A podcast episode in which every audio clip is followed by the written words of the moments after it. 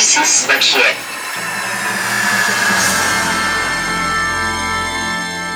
Yetersiz Bakiye hoş geldiniz. Ben Yama Çokuş. Serkan Çakarer. Hoş geldiniz programımıza. Ee, en son Serkan senle e, ne programı yapmıştık? Berlin programı yaptık. Ha, Berlin'de moda, Türk modası. Berlin'de moda haftası yaptık. Bir takım geri bildirimler geldi mi? Geri bildirimler geldi. Bir tane hatta düzeltme geldi sonra bize. Ee, Seyircilerimizden, dinleyicilerimizden dinleyicilerimizden düzeltme geldi. Dediler ki yani burada özellikle mali konularla ilgili paraların çarçur edildiğini söylemişsiniz. Böyle bir şey yok. Doğru istihbarat almamışsınız. Programın adını artık yetersiz bakiye değil, yetersiz hafiye yapın dediler. Burada da tabii şöyle bir şey de demek lazım. O vesileyle de belki her dinleyen, e, her kim dinliyorsa. Ya biz sonuçta tabii burada böyle bir, e, bir haber programı gibi vesaire gibi yapmıyoruz. Duyumlarımızı, hissiyatımızı paylaşıyoruz. Bizi de çok ciddiye almamanız lazım. Yani bu bir haber programı değil sonuçta. Bazen dedikodu, biraz hafif goy goy, bazen biraz muhabbet, bazen sohbet. Tabii aralarda bolca da bilgi ve deneyim paylaşılıyor. Ama dediğim gibi yani buna rağmen yani bu bir resmi haber programı olmamasına rağmen söylediğimiz şeyler eğer herhangi bir anlamda gayri ciddi ya da böyle bir e, gerçeklikle bağının eksik olduğunu ya da doğru bilgiye dayanmadığını söylerseniz yani telefon edebilirsiniz. Yetersiz bakiye sayfasında yazı yazabilirsiniz.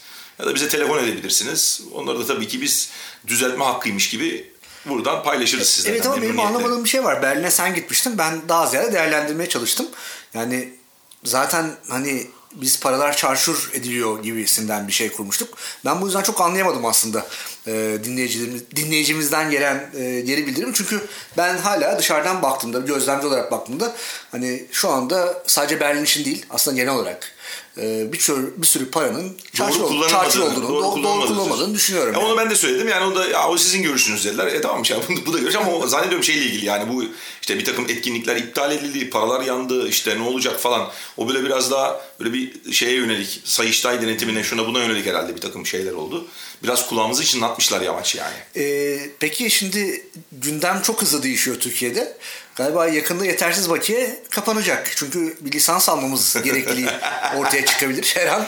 Ee, yani bilmiyorum şimdi SoundCloud'da, YouTube'daki durum nedir? Böyle bir takım belirsizlikler var. Geçtiğimiz hafta e, biliyorsun yeni bir yasa tasarısı e, e, tasarıdan yasalaştı. Torba e, yasalar kapsamında ve sadece internete yayın yapan, düzenli yayın yapan e, yayınlar için bir lisans alma zorunluluğu ve bunların da RTÜ'ye bağlı olma zorunluluğu gibi bir zorunluluk ortaya çıktı. Biraz muğlak şu andaki yasa çok geniş maddeleri var. Rütük de öyle şu anda. Hani televizyonda öyle denetleyen ama 6 ay içerisinde bununla ilgili bir yönetmelik çıkarılması e, gündemde. Bilmiyorum bizi etkiler mi sence? Ya peki bu şey nasıl olacak ya şimdi mesela e, bu puhular vesaireler şimdi burada bir sürü içerik var yani. Bunların içinde Rütük, Rütük ne denetimi yapacak? Televizyon denetimi mi yapacak internette mesela? Onu bilemiyorum. Yani oradaki mesela içerik ne olacak? Şimdi hani Rütük zaten çok kurallı hareket eden, belli kurallara göre hareket eden televizyonda bir yer değil. Yani her hafta yayınlarda yaşadığımızı yayıncılar biliyor, kanallar biliyor, yapımcılar biliyor. Dolayısıyla zaten çok kuralları olmayan bir ortamda internette nasıl olabilir bilmiyorum. Ya şimdi şöyle düşünüyorum. Eğer televizyondaki gibi olursa televizyonda ne yok şu anda? Sigara yok. Alkol çok limitli. Cinsellik yok. Küfür yok. Belirli tip konular yok politik. E şimdi bunlar internette vardı. E bu demektir ki eğer Rütük televizyondaki kurallara göre interneti kontrol ve monitör edecekse o zaman internette de bunlar olmayacak. Şöyle düşün. Şu anda tahmin ediyorum. Yani tam bilgiler yok ama Pu'da yaklaşık 10 bin saat içerik vardır. Tamam, ne olacak mesela? Netflix'te bilmem kaç saat içerik vardır. O zaman bütün bu katalogların içeriklerin kaybolması anlamına geliyor. Aslında bir iş modeli ortadan kalkacak. Ben öyle görüyorum eğer böyle çıkarsa. Sadece iş, yani iş modeli ortadan kalkacak derken biliyorsun biz son 4-5 senedir falan şey konuşurduk hep. Yani bütün bu çalıştaylarda, şunlarda, bunlarda ya da davetli olduğumuz her yerde ya işte korsanla mücadele yasasının biz en önemli ayaklarından birini ne olarak söylüyorduk? Yasal platformların kurulması in- yani sonuçta tüketicilerin, kullanıcıların, seyredenlerin, dinleyenlerin yasal platformlara yönlendirilmesinin de korsanla mücadelenin bir parçası olduğunu söylüyorduk. Şimdi sen bu platformları böyle yaparsan kim gelir Türkiye'de platform Artık platform açar? korsanlara yönlendireceğiz. Evet, korsanlara yönlendirelim. evet. Yani, Yani yeni Sparrow'lar, Jack Sparrow'lar doğacak Ya diyorsun. tabii bu haber e, yani üst üste iki büyük haber oldu geçtiğimiz hafta. Bir tanesi Doğan Medya Grubu'nun Blue TV haricinde o enteresan tamamının Blue TV haricinde Demirören'e satılma operasyonu. Çok büyük bir operasyon çünkü yani e, içinde televizyonlar, radyolar, dergiler, dağıtımı, bütün gazeteleri dağıtan ağı, e, bir haber ajansı barındıran bir yer. Bir gün sonra da işte Bluetooth'e bağlanma haberi geldi. Yasalaşma haberi geldi. Ben mesela hani bunları tamamen tabii politik operasyonlara koyuyorum. İkisi de Ya politik Blue operasyon. TV'nin adı o zaman Blur TV olacak herhalde bunun. Yok, Çünkü Blue TV- bütün, Blue- Blue bütün her şeyi blurlayacaklar çünkü. Başka türlü başka türlü nasıl bir şey gösterecekler abi ben anlamadım ki şimdi yani. Ama Blue zaman- TV ya Blue TV bir de biliyorsun şeyle de ilgili bir modeldi sonuçta. Yani e, Blue TV'de başlayıp önce orada gösterilip ya da işte Puhu'da gösterilip arkasından Free TV'ye gelme anlamında bu mesela Kalkınma Bakanlığı'nın toplantısında böyle bayağı heyecan verici şeylerden bir tanesi buydu. E, keza şimdi bu senin demin dediğin şeylerden yola çıkarak söylüyorum ben. Yani eğer içerik, internetin içeriği de televizyona eğer benzeyecekse ya o zaman herkes çarşaf çarşaf yazıyor. 80 ülkeye sattık, 100 ülkeye sattık. Ya burada satışları falan olmaz. Bunları Türkiye'de kimse seyretmez ki. Ya bu içeriği Türkiye'de kimse seyretmiyorken sen bu içeriği böyle bir içeriği kime satarsın yani? Ya o zaman ihracat mihracatla ilgili niye Çalıştay düzenleniyor mesela ben onu anlamadım. Çok ben ekonomik tarafını önemsendiğini düşünmüyorum iki tarafta da. Ama işte Yani- o zaman kamu faydası ne burada? Yani kamu yararı olması lazım. İşte ekonomik bir yarar, istihdam yararı, içerik üretme, şu bu.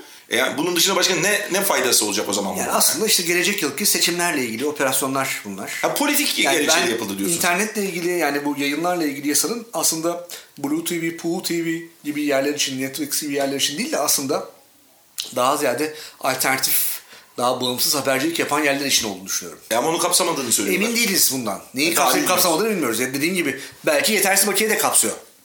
Evet Çünkü olabilir. iki, işin iki tarafı var. Bir, lisans alma zorunluluğu var. Lisans alma zorunluluğu deyince lisans fiyatları çok yüksek yani televizyonlarda. Eğer Ya- tarifeler böyle gidecekse zaten bağımsız haber yapan yerlerin böyle bir lisans alabilme şansı yok. E, lisans alamadığı anda da bu arada enteresan yani yasadaki enteresan şey mahkemeyle zaten kapanmıyor bu içerikler. Evet. 24 saat içerisinde bir duruşmayla o IP'yi kısıtlıyor.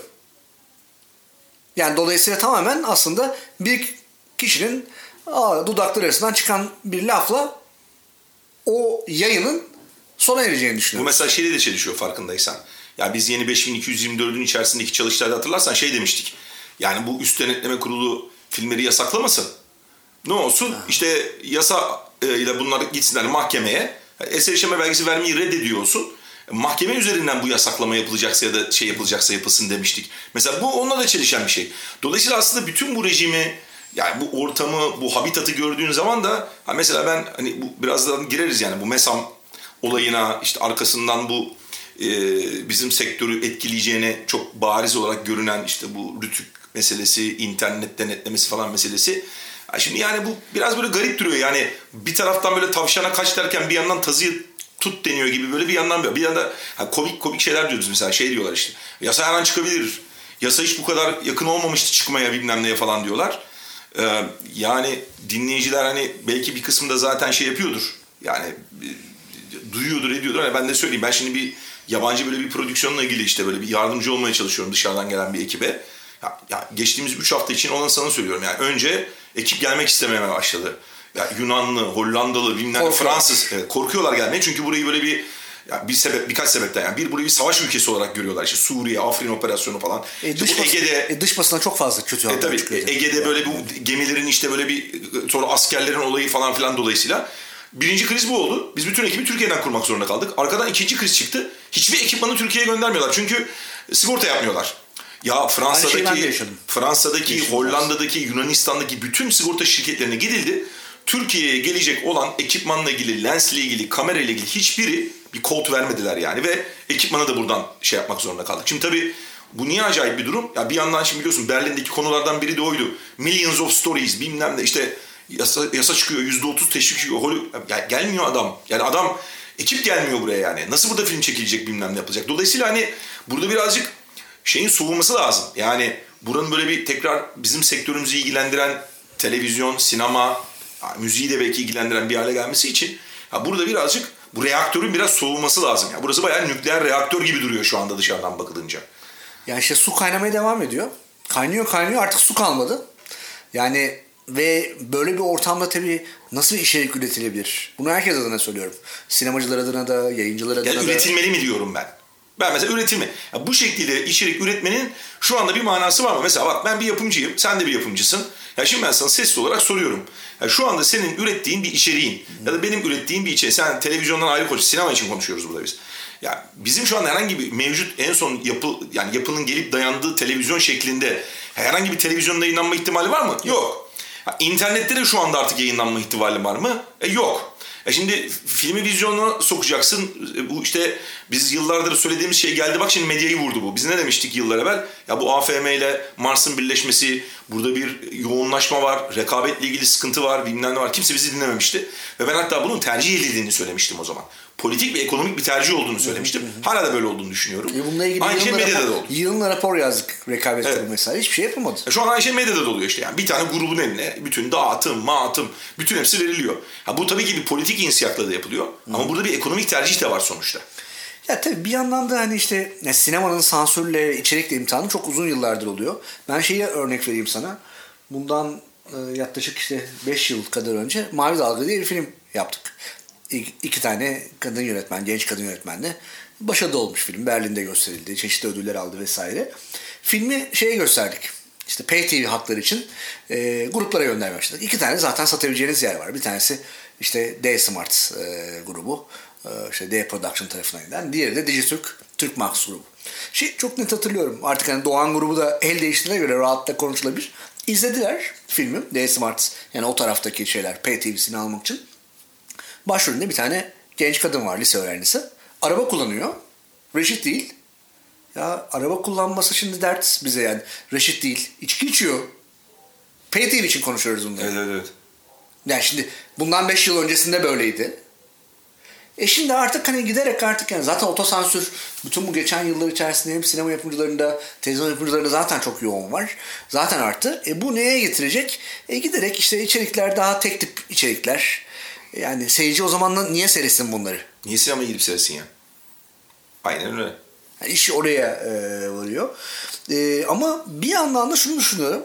Yani bu tip daha baskının art- arttığı dönemlerde de aslında e, çoğu ülkede daha böyle sanatsal faaliyetlerin arttığını da gördük. Evet. Ben mesela biraz Türkiye'de bunu bekliyorum. Yani özellikle geçtiğimiz yıl e, hatta işte bir iki yıldır işte Emin Alper'in ve Tolga Karaçelik'in destek alamayıp filmlerini çekmesi, işte Tolga Karaçelik'in Sundance'te yarışmaya gidip ödül alması, şimdi vizyona girecek. Emin Alper filmini bitirmek üzere bildiğim kadarıyla. oradan iyi- o İnşallah, bir şey bekliyorum. inşallah iyi bir yerde açılacak. Bir yandan da hani hani yapmak isteyen de bir şekilde yapıyor böyle dönemlerde de. Ee, ama enteresan bir dönemdeyiz. Yani giderek baskıların arttığı, yoğunlaştığı ee, ve daha da artacağı bir dönem Ama gibi şimdi gözüküyor. Yamaç orada şöyle bir şey var tabii. Yani ben sana tabii yüzde yüz katılıyorum da şimdi bizim burada konuştuğumuz mesele bir takım bireysel böyle kendini adamış insanların, yapımcıların, yönetmenlerin, ekiplerin çabasıyla yapılan filmler tabii bu ama ya şimdi bir sinema endüstrisi bu kadar iyi niyetin üzerinde dönebilecek bir şey değil. Biz asas bayağı bir şeyden bahsediyoruz yani. Ne olacak ya işte burada yılda 120, 130, 150'ye dayandı. Bir tane film var. Evet, dayandı. Geldi bir endüstri var. Yani böyle bir endüstriden bahsediyoruz. Yani bu senin söylediğin şeyler tabii ki olacaktır. Her dönemde olur böyle filmler. Yani doğru. her rejimde de olur, her yerde de olur ama e, yani sektör nasıl gidecek? Yani burada insanların istihdamı, buradaki ekonomik büyüme, işte ihracat rakamları, buradaki gene box office rakamları, şunlar bunlar. Ya şimdi mesela biz bir yandan da şey yapmaya çalışıyoruz biliyorsun. Yani sinema yasa taslağa giriliyor. E kaynak yok şu anda mesela. Kaynağın olmadı işte bize söylendi. Yani o destekleri ortaya çıkarıp bu gelişmeyi bir sonraki adımı atabilmek için e, kaynak da gerekiyor. Mesela o kadar kaynak da var mı? Hani şeyi de bıraktım kenara koydum hani tamam yani bu içerikle ilgili böyle sıkıntılar var. Kaynak var mı peki gerçekten bundan ilgili onu da bilmiyoruz. Ya işte sonuçta yani giderek aslında Avrupa'dan uzaklaştığımız, genel olarak Avrupa kodlarından uzaklaştığımız sinema anlamında da her anlamda da işte insan hakları anlamında da böyle, bu genel haklarında da böyle. Dolayısıyla aslında toplumdaki bu politik değişim her tarafa yansıyor. Hepimiz nasibimizi alıyoruz. İşte geçtiğimiz iki hafta önce yaşadığımız, sen daha yakından takip ettin. İşte MESAM olayını biraz konuşalım istersen. Evet, konuşalım. Yani MESAM'a kayyum atandı. Yarın da belki SEYAP atanır. Ya da SESAM atanır bilmiyorum. Yani, yani, yani şimdi MESAM atanıyorsa herhangi bir mezhep birine atanabilir. Mesela niye kayyum atandı sence? Ben Ya aslında kayyum ataması gibi de durmuyor. Yani şimdi hani tamam ya bir yandan kayyum gibi duruyor ama ya bir yandan da kayyum gibi de durmuyor. Çünkü atanan adamlar gene şarkıcı, türkücü abi. Yani guru, yani o örgütün gene ama üyeleri kabul atanmış. etmedi mesela. Kayyum atanıyor. Atanan kayyum da kabul etmiyor görevi. Evet yani biz pazartesi ne gün oldu olay yani hatırlamıyorum şimdi. Mesela atıyorum pazartesi olmuş olsun. Pazartesi günü Yavuz Bingöl atandı diye oldu. Çarşamba günü böyle Fuat oluyor dendi. Cuma günü Coşkun Sabah'a döndü iş falan. En son Coşkun Sabah'tan öğrendik. Hayranlarım, Mesam'dayım falan gibi böyle bir Twitter'dan duyurdu. Sonra Twitter yasaklansın dedi gerçi. O- Onu da anlamadım nasıl olduğunu. Hayır ben şeyi anlamadım mesela orada yani Arif Sağ başkanı, eski başkanı. Ee, e, daha önce Orhan Gencebay vardı. Böyle bir takım çekişmeler gözüküyor belli içeride. Yani çok dinamiklerine bizim hakim olmadığımız sinemacıların. Ama ne oldu da hükümet buraya kayyum otoma gereğini hissetti? Ben onu anlatayım. Aslında olay şöyle yani ya herkes tabii bunun başka bir tarafını anlatır ama ben muhtemelen müzikçili olmadığım için dışarıdan gördüğüm kadarını objektif anlatabilirim diye düşünüyorum. Hikaye aslında şu. Yani normalde meslek birliklerinin denetimi e, diye bir e, telif haklarının içerisinde bir madde var. 42 42B maddesi meşhur. Biz biliyorsun bu taslak yasa çıktığı zaman telif yasası hala şu an nerede olduğu kayboldu herhalde o yasada. E, ya bu meslek birliklerinin kapatılması Yeni bakan çıkacak demiş. e, olabilir. Olabilir. Gelecek Civciv hafta- çıkacak, kuş çıkacak diyorum Ge- o zaman. gelecek hafta bakan görevden alınabilir o zaman. Yani on, on, onu, onunla da ilgili bir iki tane bana hatırlat. Birazdan çok komik bir iki bir şey söyleyeceğim. Ee, şimdi bu meslek birliklerinin denetimiyle ilgili mesele aynen demin konuştuğumuzun çok bir paraleli bir, bir, şey- bir noktada şöyleydi. Ya böyle, u- böyle uygun gördüğü zaman yani böyle falan meslek birliklerini kapatma gibi böyle bir, bir şey var. Bize dedik ki yani Yeni tasarıda. tasarıda vardı. Bize dedi ki ya meslek birlikleriyle ilgili böyle bir şey olacaksa bu bayağı bildiğimiz vakıflar, dernekler kanununa tabi olsun ve insanlar işte mahkeme kararıyla olsunlar ve bu süreç işletilsin. Şimdi zaten şu anda MESAM'daki sıkıntı nerede? Şurada. Şimdi 42B'de çok kabaca söylüyorum. Çok kabaca takıl yani en böyle en primitif şekliyle anlatıyorum. Diyor ki bu ya eğer diyor bakanlık bir aksaklık, bir kusur, bir şey tespit ederse çok önemli bu. Ederse uyarır diyor. Şu kadar mühlet verir. Olmazsa bir daha bir uyarır. Olmazsa da genel kurula gitme için çağrıda bulunur olağanüstü genel kurula diyor. Yollar var yani adımlar var. Evet. Okey. Şimdi burada bu adımlar yok zaten. Hani sabah kalkıyorsun, sabah coşkun sabah uyanıyorsun bir sabah falan. Bir sabah coşkun sabah uyanıyorsun. Şimdi burada başka bir sıkıntı da şurada. Tespit edilen ne? Şu oradaki tespit kelimesinin ben çok önemli olduğunu düşünüyorum. Şimdi tespit eder demek ne demek? Bakanlık teftiş kurulu üzerinden, yaptığı denetimler üzerinden ya da bürokratik işte prosedürlerle bir takım usulsüzlükler görür ve yazılı, sözlü uyarır eder demek. Şimdi burada tespit de yok. Ne var peki? Ben bunu gördüm. Şey yansıttılar bize. BİMER'e yapılan şikayetler. 154 tane şikayet gelmiş BİMER'e. Ne şikayeti mesela? Bunları da tasnif etmişler. Böyle bir pay chart yapmışlar. İşte üyelik şikayetleri. işte bilmem ne şikayetleri. Ne mesela benim telifim ödenmiyor mu diyor mesela. Ne Ya şikayet? diyor ki mesela ya adamlar telif ödemiyor, şey ödemiyorlar, aidat ödemiyorlar. Haysiyet kurulu bunları atmıyor diyor. Öbürü diyor ki mesela Fethullahçılar var diyor yönetim kurulunda diyor. Benim üyeliğimi diyor kaydırdılar diyor. Öbürü diyor ki benim eserim her yerde açılıyor. Bana telif gelmiyor gibi böyle bir sürü bir şey var. Şimdi tabii buradaki absürtlük nerede? Ya şimdi bu ya bu bimer üzerinden yürür mü yani böyle bir koskoca bir meslek birliği? Yıllık cirosu topladığı telif mesela 30 milyon euro. 30 milyon euro telif toplayan bir kurum. BİMER'e gelmiş 154 tane şikayetle yani Coşkun Sabah mı bilmem ne yapılır yani. Şimdi bu olmayacak bir şey yani. Şimdi onlar buna mesnet bulmaya çalışıyor. Bunun hukuki bir tarafı yok. Zaten bir noktada da birisi hatırlamıyorum şimdi kimdi müzikçilerden. Ya bu hukuki olmayabilir ama hakkaniyetli bir davranış oldu dedi. Hakkaniyet olup olmadığı tartışılır. Ama hukuki olmadığı Evet. kesinlikle tartışılmaz. Bunun hukuki bir tarafı yok. Ha, buradaki ince trik ne? Şu. Yeni yeni taslak kanuna göre bir yönetim kurulu işten bu şekilde el çektirilirse yeni yapılacak olan genel kurulda aday olamıyor. Dolayısıyla aslında bu kurul aklansa bile bu şikayetler asılsız çıksa bile ya bu insanlara pardon sonuçta denilse bile bu insanlar bir sonraki dönem zaten aday olamayacaklar. Bir de böyle bir durum da var. Ee, dolayısıyla yani neresinden baksan yani tam da dediğin noktaya geliyor işte. Yani şimdi böyle bir rejim var abi şimdi yani 154 tane şey geliyor. Biz dedik ya nasıl işliyor bu şikayet müessesesi dedik. Ya o zaman şöyle söyleyeyim. Rütü'ye yapılan şikayetlerle bir şey yapılmaya çalışsa dizi zaten hiçbir dizi yapılamaz mesela. Tabii. Yani çünkü BİMER'e yapılan şikayetler bireysel şikayetler ya. Evet. Abi bir sahne izledi. Sahneyi beğenmedi. Yazdı. Şikayet etti. Yani Tabii. böyle, böyle bir şey olabilir mi yani? Hani Tabii. Aynen öyle. Aynen böyle duruyor işte yani şu anda. Şu anda anlattığım, Onlar- onlar- anlattığım manzara bu şu anda. Sadece onu anlamıyor. Adam bir de şunu dedi ya. Direkt teftiş kurulu başkanı. O dedi ki bize dedi şikayetler gelir.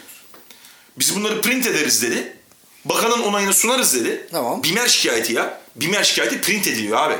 Bakanın onayını sunarız dedi.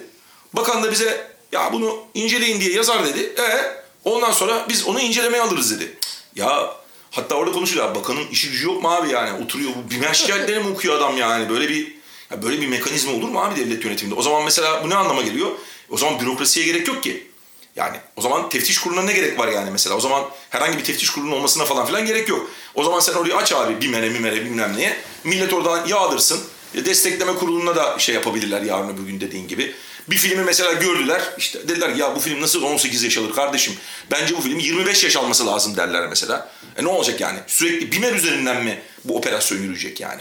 Olmayacak.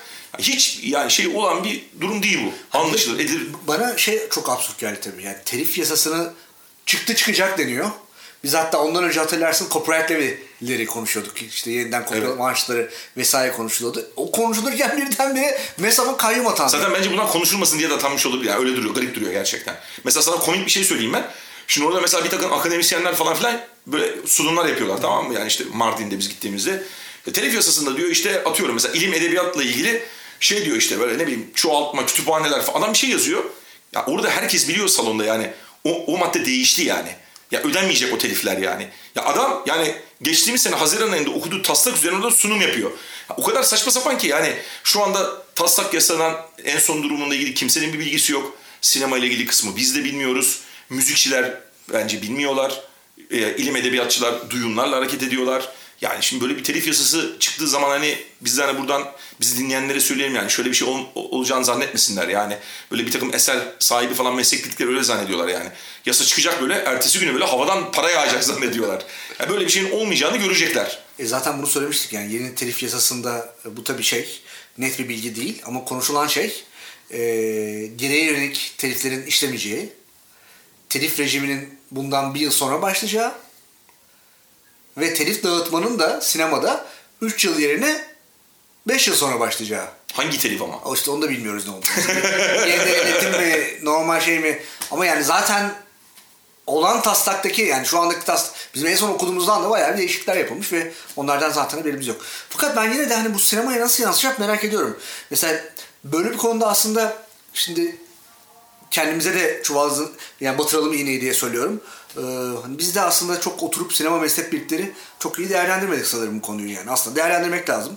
Bir sinema meslek birliğinin başına gelseydi aynı durum ne olurdu mesela? Merak ediyorum. Müzikçilerden de aslında böyle çok yoğun bir tepki de gelmedi. Yani bütün bu müzik meslek birlikleri oluşturup ya bakın bir kayyum atandı meslek birliğinin başına. Biz buna karşıyız. Böyle bir açıklama pek görmedim. Valla e, ben de biraz öyle e, düşünüyorum. Yani sinema ligi, yani sinemaya niye kayyum atanmaz? E çünkü yani sinemaya kayyum atanırsa ekonomik bir sebepten dolayı atanmaz. Çünkü gidecek olan oraya şikayetler ekonomik Şu gerekçeli evet, şikayetler olmaz. Yani onu da bilmiyoruz ki biz ileride yani şimdi burada telif dağıtılmaya başlanıp da bu meslek birlikleri şey olsun. Mesela ben bir iki tane böyle avukatla konuştum. Onlar böyle bu MESAM'ın çok eski avukatları ve bu işi de böyle yaklaşık yani 15-20 yıldır daimli bilen. Onlar şey diyorlar mesela böyle zaman zaman böyle bir sevr ruhu gibi böyle bir şey vardır diyor. Aslında şöyle bir ekol de var diyorlar yani e, bürokrasinin içinde. Ya bu meslek birlikleri falan filan telif toplamasın. Ya bunu devlet toplasın. Ha, devlet toplasın, devlet dağıtsın. Yani aslında böyle, yani böyle bir böyle bir talebi olan, böyle bir arzusu olan, böyle bir şeyi olan yani bunu böyle çok parasal kaynakları böyle çok aşağıya yaymak yerine Daha adem merkeziyetçi. daha ademi merkeziyetçi olan, işte böyle ülkelerde var yani dağıtan eden olan hem de o itirazların önünü kesen hem de bir yandan da bu hak sahiplerinin ekonomik olarak meslek birliklerinin çok güçlenip de hani sosyal alanı yani sivil toplum alanını böyle çok yani çok fazla güçlenmesini pek ters, ta- yani pek tercih etmeyen diyelim. Böyle bir ekol de olduğunu söylüyorlar. Yani mesela bazıları bana onu da söyledi. Ben o tabii MESA'nın çok eski hallerini falan filan bilmiyorum. Ve bunun da yani bir de şunu da söylüyorlar. Ya bu zaten 20 yıldır vardır diyorlar bu şeyler. Aynıdır. Yani bu şikayetler olur. Her zaman olur. Onun için hep teftiş gelir. Denetler. Yani şimdi çok komik abi. Ben dinliyorum mesela orada bir tane hukuk müşaviri şey falan diyor mesela yani. İşte sizin maaşlarınız çok yüksek diyor. Sana ne abi? Sana ne abi? Mesama mı diyor? o? Mesela diyor sana ne abi maaşın yüksekliğinden falan. Adam genel kurulu yapmış. Genel kurulda bütçeyi onaylatmış. Üyeler el kaldırmışlar. Bunu seçmişler. Bir Adam diyor ki bu maaşların genel kuruldan onay alması lazım diyor. Ya bir yerin genel sekreteri genel kurulda seçilebilir mi ya? O zaman yönetim kuruluna sorumluluğu ne olacak o adamın yani? Böyle garip garip argümanlar var böyle. Mesela şey falan dendi. Yani biz önümüzdeki programlarda inşallah yasa masa bir şey duyarsak belki de elimize geçerse bir daha çıkmaya yakın bir taslak onu da konuşabiliriz ama ya işte böyle bir yandan koruma olsun, bir yandan faydalanma olsun, faydalanma da olsun, tüketiciler de bunlardan faydalansın falan. Ya sırf bundan dolayı biliyorsun işte sinema alanında biz mesela yapımcı olarak yani umum açık yerlerden biz mesela telif alamayacağız yani. Müzik yapımcıları alabiliyor, televizyoncular alabiliyor. Televizyoncular çoğunlukla bizim ürettiğimiz ürünlerle ilgili telif topluyorlar. Biz alamıyoruz. Alamama sebebimiz de ya işte esnaf mağdur olmasın, tüketici mağdur olmasın. Ya bu hak sahiplerinin mesela ne kadar e, merkeze alıyor yani buradaki telif yasası şey olarak benim kafamda çok ciddi ciddi soru işaretleri var şu anda. Şimdi tekrar torba pakete geri döneceğim. Yani bu e, yasalaşan e, internetle ilgili olan pakete. Bu sinemayı nasıl etkileyecek? Biraz onu konuşalım istersen. E, hani programın son dakikalarında. Şimdi sinema filmlerimiz biz önce filmde sinemada yer alıyordu. Ardından genelde Pay TV ve YouTube platformları satıyorduk. En sonunda gidebiliyorsa Free TV geliyordu. Artık çok azaldı ama yine de böyle bir Evet. hani bir şey vardı hani bir akışı vardı. E şimdi bu tip platformlar olmayınca e, daha doğrusu bu tip platformlarda artık sinema filmlerin hani var olan haliyle göstermesi mümkün değil. Ne yapacağız? Biz onları blurlayacağız. Kesecek miyiz? Ne olacak? Ya benim biraz orada ilgili düşüncem yani şu yönde yani aslında son e, yani bir 5-6 aydır falan biraz böyle düşünüyorum yani. Biraz da bunu kafamda böyle yani tartıyorum, şey yapıyorum ve bir takım şeyler bulmaya çalışıyorum. E, yani ben şöyle bir sıkışma olduğunu düşünüyordum zaten. Ana akımda da olduğunu düşünüyorum. Ya Bunun da zaten şeyleri görünüyor, işaretleri görülüyor. Ya şimdi normalde biz hep böyle film yaparken şey deriz ya. e, ya işte şu oynasın ya da şu konuya girmeyelim de işte bunun televizyon satışı da olsun. Ya da bir proje geldiği zaman sana zaten ya bunun televizyon satışı da var abi falan denirdi ya. Şimdi televizyon satışı dediğimiz mesele aslında bir filmin toplam finansmanının böyle yüzde yirmisini pek bir geçmeyen ve, giderek ve zaten düşen. e, giderek de düşen ve bu da yani çekim sırasında çok az bir kısmını alabildiğim böyle bir finansmandı ama bunun şöyle bir zararı da vardı. E sen yani finansmanının yüzde yirmisi veya daha altındaki bir para için içeriğini televizyona yönelik yumuşatma, kenarlarını böyle birazcık e, yuvarlaklaştırma gibi şeylere girişiyordun ve bence bu şöyle bir şey yol açıyordu. Sonunda bir sinema filmi yapıyorsun. Sinema filmi aslında içten içe televizyon izleyicisini, evet televizyon izleyicisini düşünerek gibi yapılmış. O zaman da şöyle bir soruyla karşı karşıya kalıyordun. Ya tamam da abi televizyonda zaten buna benzeyen içerik var. Adam niye para verip sinemaya gitsin? Ben böyle bir dönemde aslında bunun şöyle bir fırsat olduğunu düşünüyorum. Ya da ben hani kendimle ilgili biraz bu yönde birazcık kafa patlatacağım artık önümüzdeki e, bir süre dönemde yani bu, bu geçiş döneminde diyelim. O da şu yani gerçekten sinema dizisine yönelik sinema filmi yapacağım ben. Yani ya da o tip projeleri e, geliştirmeye çalışacağım. Ve konuşurken de birazcık bu konuyla ilgili işte akıl fikir vesaire söylerken de biraz bunun bayraktarlığını yapacağım. Çünkü ben her zaman söylüyordum yani yıllardır da söylüyorum. Yani sinema izleyicisiyle televizyon izleyicisinin aynı olmadığını, bunların birbirinden çok farklı mecralar olduğunu, dolayısıyla içeriğin hem de bunda çalışacak ekiplerin de ben farklı olması gerektiğini de biz hep biliyorsun konuşuyorduk, ediyorduk. Ve ben buradan da yani bu dediğim tarzda bir e, bu perspektiften de yeni yönetmenlerin, yeni farklı işte teknik ekiplerin, yeni oyunculukların ve yeni tarzda böyle bir takım e, filmlerin bir kuşağın oluşacağını düşünüyorum. Ve bunu ben değerli görüyorum. E, bu haliyle bunun gitmesi zaten hani çok finanse edilebilir bir şey değildi. Bizim zaten sinemamızı çok uzun yıllardır zaten televizyon finanse etmiyordu. Evet. Ben aslında bu en son gelişmenin bunun üzerine bir kaşe olarak da vurularak resmiyet kazandığının bir göstergesi olduğunu düşünüyorum. Ee, benim biraz şeyim yani bu yönde. Ha bu tabii ki e, bir takım başka krizlerde yaratabilir. Yani yaşayıp birazcık göreceğiz ama e, ben artık hani böyle gerçekten sinema izleyicisini düşün- düşünerek yani para vererek sinemaya giden sinemadan kastım da yanlış anlaşılmasın. Ben e, geçenlerde güzel bir röportaj vardı. Bizim artık evimizdeki şey televizyon değil. e, ekran bunlar diyordu. Yani ben gerçekten insanların hani oturup para vererek izlemeye değeceği bir deneyim bir e, yani bir film izleme deneyimi sunan içeriklerin ben artık e, biraz ön plana çıkacağını en azından bizim gibi insanların yani senin benim gibi insanların biraz bu yönde çaba göstereceğini ve orada bizim için böyle bir oyun alanı olduğunu düşünüyorum. Diğer alanın ekonomik olarak sürdürülebilir olup olmadığını şu anda öngöremiyorum. Ama bütün bu gelişmeler içerikleri bu şekilde küçülttüğü için e, çok böyle lokalize ettiği için e, ben hem televizyonda hem sinemada o içeriklerin büyüyen maliyetlerde düşünülürse eğer fizibilitesini yitireceğini düşünüyorum. Evet. Ee, acaba yetersiz bakiyede İngilizce mi yapmaya başlasak Avrupa'da falan? O zaman de- denetim oluyor mu acaba İngilizce yurt dışından yayın yapsak? Serverları taşırız diyeceğim de o kadar daha materyal yoktur bizde serverlık herhalde. Ama bizim server zaten SoundCloud galiba şeyde zaten yurt dışında galiba. Yurt dışında mı? İyi. Bunları göreceğiz yani. hani bir, Yaşayıp göreceğiz. Yani biraz da aslında bir de bütün bunları kim dinleyecek merak ediyorum mesela. Bir sürü haber yapan öyle site işte yayınlar falan var. Yani Rütük bunlar için uzman mı alacak mesela yüzlerce? Nasıl olacak? Ya ben bunun bir, bir böyle şeyini, nüvesini şeyde görmüştüm. Yani bu kalkınma toplantısında Rütük'ten bir temsilci de vardı bir beyefendi. O da şey diyordu sürekli ya işte bunlar korsan yapıyor kardeşim işte bunlar lisans almaları lazım bilmem. Şimdi lisans almak başka bir şey. Bunları rütüğünü, içerik denetimini yapması başka bir şey. Yani Şimdi o lisans alması gerektiğini niye söyleniyor? Yani vergiyle ilgili sebepten mi söyleniyor? Ya bilmiyorum onu yani. Onu ben anlamıyorum. İyi de yani Ünsal Ünlü'yü düşünelim mesela. Aha. Tek başına adam evde bir tane iPad, kamera, mikrofonla yayın yapıyor. Her gün de yapıyor. Bizim gibi biz Biz, bizim gibi ekabir değil. Her gün yayın yapıyor. Şimdi onu denetleme şeye mi gelecek? Eve mi gelecekler mesela? Evet. Rütük memuru gelecek. Programa yaparken kapı çalacak. Çay verecek. Kapı çalacak programı yaparken. Bence yardımcı olur belki. Mikrofon falan tutar belki. Ya bir yandan da işte şöyle bir şey de var. Belki de öyle şeyler ya daha fazla artacak çünkü. Ya bir sürü gazeteci var yani. Sabahleyin belki biz bir sürü adamı takip etmek zorunda kalacağız yani böyle. Çünkü ya bir yandan da o insanlar işsiz güçsüz kalıyorlar yani mecra olarak baktığın zaman aslında. Valla ben onun pratik olarak dediğin gibi nasıl uygulanabileceğini hiçbir fikrim yok yani. Bilmiyorum gerçekten yani. Ben uygulanma ihtimalini görmüyorum. Sıfır görüyorum.